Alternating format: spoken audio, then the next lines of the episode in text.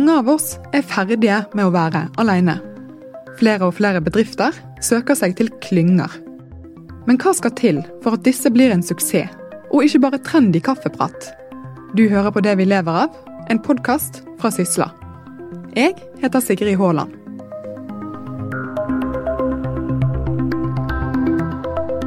Vi vet at de har høyere verdiskaping, vi vet at de har høyere eh, tiltrekningskraft på talent og kapital, og vi vet at de er mer innovative.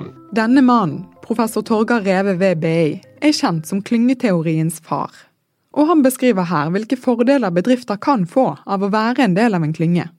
Reve forteller at innenfor de store næringene blir det mer og mer klyngedannelse. Vi ser at IT-bedriftene samler seg i de store sentra som Silicon Valley og, og India. Vi ser at farmasi samler, samler seg på store sentre. Så, så, det er liksom en, en, en klyngetendens som, som, skjer både internasjonalt og nasjonalt. Norge er i dag verdensledende innenfor offshore-klynger, forteller professoren. Så er det på en måte to sentrale klynger i verden som nå kniver. Det er Houston og Texas på den ene siden, som alltid har vært eh, sterk. Og så er det Norge, som jo fikk en liten smekk over fingrene da oljeprisen falt, men som fortsatt er oppe. og Da snakker vi Stavanger og Bergen.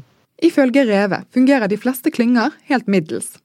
De som lykkes, har ofte én ting til felles. Eh, de beste eh, klyngene i verden de har ofte et universitet i midten, forskningsmiljø.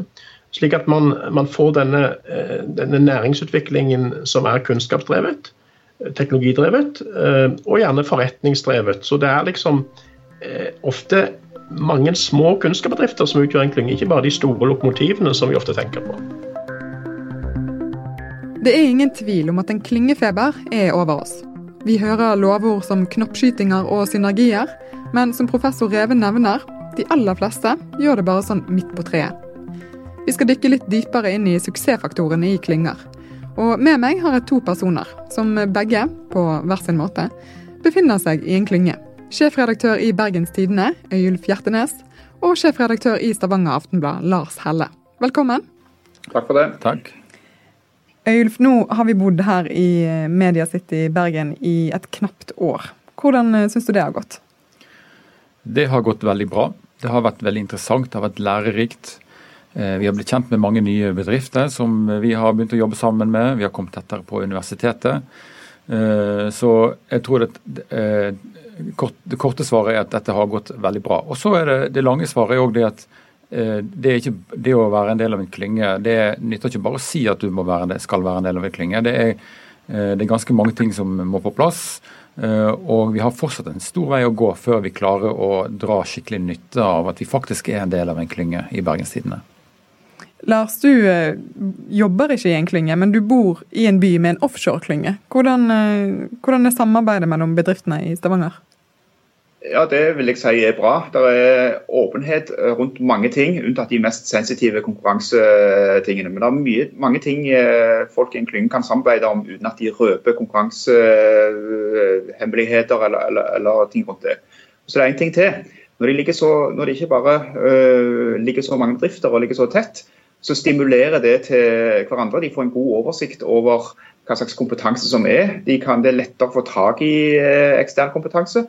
Og I tillegg så har du fått et, eh, et miljø på Universitetet i Stavanger som er utrolig sterkt på petroleumsteknologi. Det hadde du ikke fått uten at du hadde hatt hele, altså en kultur for å drive på med dette. her. Det er kanskje der Universitetet i Stavanger stiller sterkest. Nå kan jo en klynge være litt forskjellige ting. Altså Man kan jobbe i samme by, eller man kan jobbe i samme bygning, sånn som vi gjør her i mediebyen. Hvilke forpliktelser er det man egentlig har når man er i samme hus? Altså Man har jo ingen formelle forpliktelser. Dette jo, eh, Det må jo være frivillig. Eh, det som jeg tror at hvis vi, skal, hvis vi skal få til noe her hos oss, eh, så er vi nødt til å ville det. Vi er nødt til å ville naboene våre vel, nødt til å ville ønske å hjelpe andre fram. Og så må vi etablere gode tillitsforhold til partnerne våre her i klynga. Det kan være her i huset, men det kan òg være i andre deler i Bergen eller på Vestlandet. Det er jo bedrifter til og med i Vik i Sogn som er med her, som er veldig, veldig flinke. Eh, og Da må vi rett og slett snakke sammen, og så må vi bli kjent og så må vi eh, få tiltro til hverandre. og Så skal vi finne ut hva vi, hva vi kan få til. Og For BT sin del altså har vi allerede, eh, har vi allerede to samarbeid som, ganske, som begynner å ta form. Et med Vissert og et med et selskap som heter Beat. Så eh, allerede begynner vi å se effekter av dette her. Men da må man gå inn i det med å ikke bare vil hjelpe seg sjøl, men òg hjelpe andre. Mm, det høres jo veldig fint ut, men flere av de som er her i bygget, er jo dine argeste konkurrenter, må man vel kunne si. Altså, Deler du mer med de?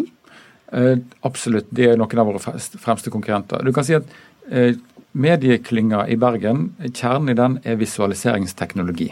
Eh, eh, journalistikk er viktig, men, men det er den teknologiske biten av dette som er, eh, som er kjernen. Det betyr at det er Eh, det er bedrifter som komplementerer oss, og som ikke konkurrerer mot oss. Men så har vi eh, bedrifter som TV 2, og NRK og BA, som vi konkurrerer med eh, hver dag innenfor journalistikken.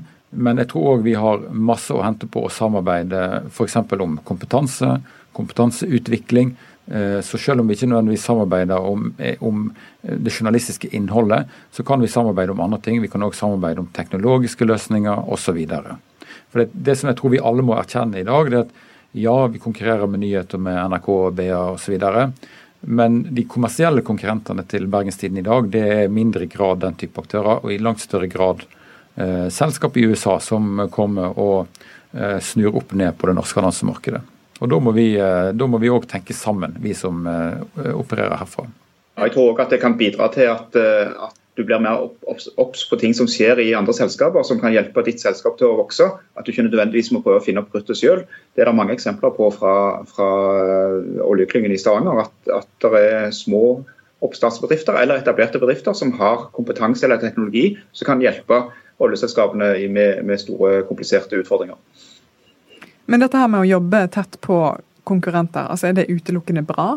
Vil, vil, ikke man risikere at man f.eks. med et uhell deler noe man egentlig ikke hadde tenkt å dele, eller at man blir for lik i tankegangen? Eh, jeg er ikke så veldig redd for det.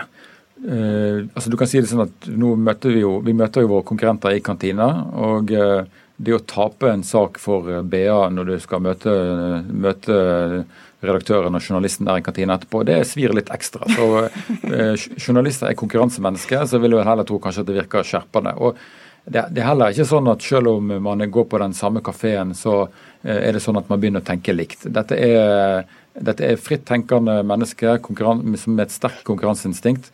Så jeg vil se på det mer som at man eh, mer som en eh, konkurranse på samme arena enn at vi eh, skal sitte på hver vår idrettsbane og ta tida og så sammenligne tida etterpå generelt så er det jo sånn i norske bransjer at vi tradisjonelt i alle fall har holdt alle kort eh, altfor tett til brystet. Det er utrolig mange ting vi kan snakke om og samarbeide om uten at vi går inn på den hovedkonkurranseflaten, enten det er medier eller oljevirksomhet eller maritim virksomhet. Vi hørte jo eh, klyngeekspert Torgeir Reve fortelle om at denne miksen av forskning og bedrifter det er en av suksessfaktorene. Hva, hva mener dere må eh, til for at en klynge skal fungere godt? Vi begynner med deg, Lars. Ja, det, jeg tror det, Han peker på et viktig, viktig, punkt. og Jeg nevnte jo at Universitetet i Stavanger er blitt et uh, sterkt fagmiljø på petroleumsteknologi, som et eksempel. Uh, jeg håper at det òg kan bli det på smartbyteknologi, som er også en satsing i Stavanger. Uh, og Det er òg naturlig når vi prøver å lage en liten medieklynge i Stavanger òg, at vi har med oss universitetet. for det at Å ha med akademia, forskning, utdanning på på veien inn, inn, i et sånt løp, det tror jeg er helt, helt, avgjørende at de følger med på. I de maritime miljøene her så er jo forskningsmiljøene veldig sterke. I tillegg så må du ha entreprenører. Du må ha tilgang på risikokapital. Og du må ha offentlige aktører som er med å, å legge til rette. Og så må du ha en bransje som er med òg. For å støtte opp under, det der. Jeg synes Vi ser det mye i, i eh, fiskeoppdrett og sånne ting, hvor det er sterke fagmiljøer, forskningsmiljøer i Norge. Og at de er en selvfølgelig del av det arbeidet som, eh, som pågår når eh, norsk industri skal opp og ut i verden. Eh, og at de er selvfølgelig foredragsholdere på konferanser og en del av miljøet. Det tror jeg har gjort at Norge er blitt så, så store som de er innenfor oppdrett f.eks. Er det noen næringer dere tenker at klynga ikke passer for? Si det, som, for snu på det, De næringene som har mest å hente på å være, jobbe i klynge, er næringer som er internasjonale, som eh, eksporterer varene eller produktene som de lager. Eh, og som jobber i marked hvor det som utsatt, som har en veldig sterk konkurranse. F.eks. maritime næring, vi nevnte medieteknologi, den type bransjer. De næringene som er mer som er mer innenlands og som er prega av litt andre konkurranseforhold, der er det kanskje annerledes. Kan godt hende at det har noe for seg, men det har mindre for seg. Ta f.eks. dagligvarebransjen. Det er jo en det som er vel utfordringen i, dag, i dagligvarebransjen i dag, er vel at uh, du har altfor alt stor maktkonsentrasjon. Uh, mens det å jobbe i klynge handler jo om å jobbe i et utpreget sterkt konkurransemiljø. Ja, jeg har vanskelig for å se for meg type tjenesteyting, type advokattjenester, at de kan ha så mye å tjene på å slå seg sammen. Selv om det finnes mange forskjellige advokatkontorer i et bygg, så vet jeg ikke om de har så mye til, mer til felles enn, enn å ha felles kantine for eksempel, eller felles resepsjon. Det kan, kan, være det. Når det gjelder detaljbransjen, så, så hvis du går litt tilbake, så, så, har det slått meg mange ganger når, når du går gjennom et kjøpesenter, så ser du at Klesbutikkene ligger ikke spredt, de ligger samla et sted. Gullsmedene ligger òg i samme om område. Så litt sånn ubevisst så har de skapt sine klynger i, i små nisjer, fordi at de tror at det genererer salg av gullringer hvis de ligger tettere. Hvis du ikke kjøper det ene stedet, så har du ikke lang vei til å gå, gå, gå det andre stedet. Så, så, det kan nok ha en viss klynge, klyngefordel der òg, selv om ikke de satser bevisst sammen eller driver med forskning og utvikling og den type ting. Men, men det er jo tradisjoner for å å så seg sammen og tenke, tenke sammen mellom konkurrenter. Det pågår jo nå en debatt eh, om denne havklyngen i Bergen. Øyulf, Kanskje du eh, kort forklarer bare hva, hva den går ut på? Ja, det som har vært diskusjonen her, er om Havforskningsinstituttet sitt nye bygg, hvor det skal ligge. Skal det ligge på Marineholmen, hvor den maritime klyngen i Bergen ligger i dag, eller skal, eh, skal det bli lagt et annet sted, f.eks. litt lenger ute langs fjorden, 15 minutter å gå. Eh, og så har den nye direktøren på Havforskningsinstituttet har eh, løfta behovet for en dypvannskai. Noe som gjør det vanskelig å ligge på Marineholmen. og eh, Derfor mener hun at det er riktig å lokalisere Havforskningsinstituttet lenger ute. Og Det er det mange som har reagert på, fordi her har man mulighet til å samlokalisere aktørene i næringa, offentlige aktører og har forskninga på ett sted. Eh, og for å lage en super maritim klynge i Bergen. Man har jo allerede maritim klynge, men dette kan være gi den enda et dytt ut i verden. Uh, og så kan man jo spørre seg om det er, det så, er det så veldig stort problem at det tar 15 minutter å gå mellom fra havforskninga til, nærings, til, til aktører i næringa. Vi vet jo at i Silicon Valley eksempel, så må de jo kjøre buss i timevis mellom de selskapene har. Men det som kanskje er litt, litt mer illevarslende for den diskusjonen her, er at Eh, hvis man ikke engang klarer å bli enige om hvor man skal bygge et bygg, da er det et dårlig værvarsel òg for klynga, eh, eh, veien videre for klynga. Ja, At man krangler allerede før man har blitt samboere? Ja, at man, at man tenker for, for masse på seg sjøl og for lite på fellesskapet. Det kan jo være en indikasjon på når det kommer opp i sånne klassiske norske lokaliseringsdiskusjoner, at, at de uh, kanskje ikke har den uh, utsatt for den konkurransen de, uh, som ofte eksisterer der hvor virkelig klynger finner sammen og, og blir bra. Eh, der er konkurransebildet så tydelig, både nasjonalt og internasjonalt, at, at de finner ut at de trenger, trenger, en eh, form for tettere samarbeid. Og ikke minst når det gjelder dette her med eh, innovasjon. Hvilken rolle vil dere si at klyngen har her på Vestlandet sammenlignet med Østlandet? Jeg tror klyngen er langt viktigere på Vestlandet enn på Østlandet. Og det handler om at eh, Vestlandet eksport, har et eksportrettet næringsliv Eh, altså, norsk, hvis du tar den norske eksporten, så er de fire vestlandsfylkene står for brorparten av eksporten. og Dette er da næringer som eh, jobber i utprega internasjonale bransjer med hard konkurranse, uh, særlig knytta opp mot havet. og det da å jobbe sammen har åpenbart store oppsider. På, altså, næringsstrukturen på Østlandet er annerledes. Der er det, det er en større innenlandstjenesteproduksjon. Eh, og selv om det er klynger der òg innenfor eh, diverse teknologimiljø, finansmiljø osv., så, videre, så blir det likevel en helt annen skala enn det vi f.eks. ser i den maritime klynga og har sett innenfor boreteknologi, subsea, offshore og etter hvert òg grønt skifte og øvrige maritime næringer på Vestlandet. Og dette er det tradisjoner for helt ja, for der vi har hatt havet der og sett vestover og ikke østover opp mot fjellene og skogene, så har det vært, eh, vært nødvendig. Fordi at folk alltid har kjent at vi har svært få eh, virksomheter som er store nok til i seg selv å kunne, kunne møte konkurransen ute i, i verden. Og det, derfor så har, eh, Vi så det jo også i, Stavanger for 100 år siden med hermetikkindustrien. Hvor disse fabrikkene lå tett i tett og samarbeidet om utvikling av Eh, det er det som har skapt at vi har eh, en matkultursenter i Stavanger i dag. At eh, du måtte ha et hermetikklaboratorium som kunne sørge for at hermetikken var spiselig og forsvarlig og, og sikker osv. Så videre. så, og, og dette er noe som mange konkurrenter samarbeider om, og som gjorde de sterke i internasjonal sammenheng. Det er jo sånn at Klynge er jo, det er jo, det er jo et relativt nytt begrep. Men det er jo eh, som Lars er inne på her, det er, jo, det er jo ikke sånn at man ikke har jobba som i en klynge tidligere òg. Altså, hvis du tar f.eks. Eh, framveksten av den norske skipsfarten på 1800-tallet, så var det en utprega klyngenæring. Eh, ikke bare på Vestlandet, men hele, langs hele norskekysten og eh, langs eh, Oslofjorden.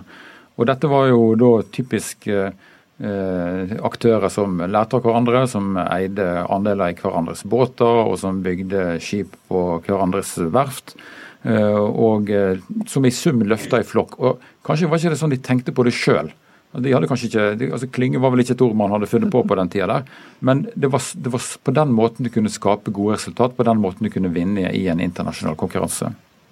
Hvis vi da eh, ser litt inn i glasskulen, hvilken funksjon tror dere at klyngene vil ha i tiden som kommer?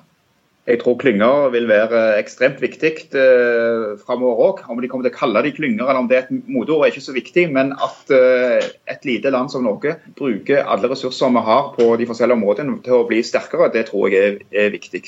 Men igjen, det må ha innhold. Å tro at du får suksess bare med å si at du har en klynge, eh, det hjelper ikke. Det må, både, det må, være en viss fysisk nærhet, det er ikke alltid det er det viktige, men, men det må i alle fall være en mental vilje og nærhet til at, du, at eh, to pluss to faktisk kan bli fem, som det heter litt populært. Jeg er helt enig med Lars. for Det som er, det som er faren med Klyng, er at det er veldig lett å snakke om Klyng, og det er veldig lett å ønske seg Klyng, og det er veldig lett å si at Klyng er veldig bra. Men det å faktisk lage en god klynge, det er en helt annen, helt annen idrettsgren. Så det, igjen, det, det jeg tror det, i en i en internasjonal uh, verden preget av enda hardere konkurranse og enda raskere utviklingstakt enn det vi har sett det nå, så tror jeg det blir helt avgjørende. Men kan bare, man kan ikke bare snakke om det. Man må òg leve opp Nei. til det. Og Det er en del eh, byer som, som snakker om vi må lage en klynge for, eller vi må få støtte til å bli nasjonal klynge for det og det og det. og Det er vel, vel og bra, men de må ha et innhold å tilby. Det var det vi rakk i denne omgang. Vi må vel uansett eh, komme oss ned i kantinen og spise lunsj med konkurrentene, sånn at de skjerper oss. Øyulf. Ned og skule litt på Sigvald Sembjørnson. takk for at du var med oss, du òg, Lars. Takk i like måte. Tusen takk for at du eh, hørte på denne episoden av Det vi lever av. Vi hører gjerne fra deg. Har du f.eks. en idé til et veldig spennende tema du mener vi bør snakke om, så kan du sende en mail til sigrid.haaland med dobbel a at sysla.no. Produsent for denne podkasten var Henrik Svanevik. Jeg heter Sigrid Haaland. Og vi er snart på plass med en ny episode.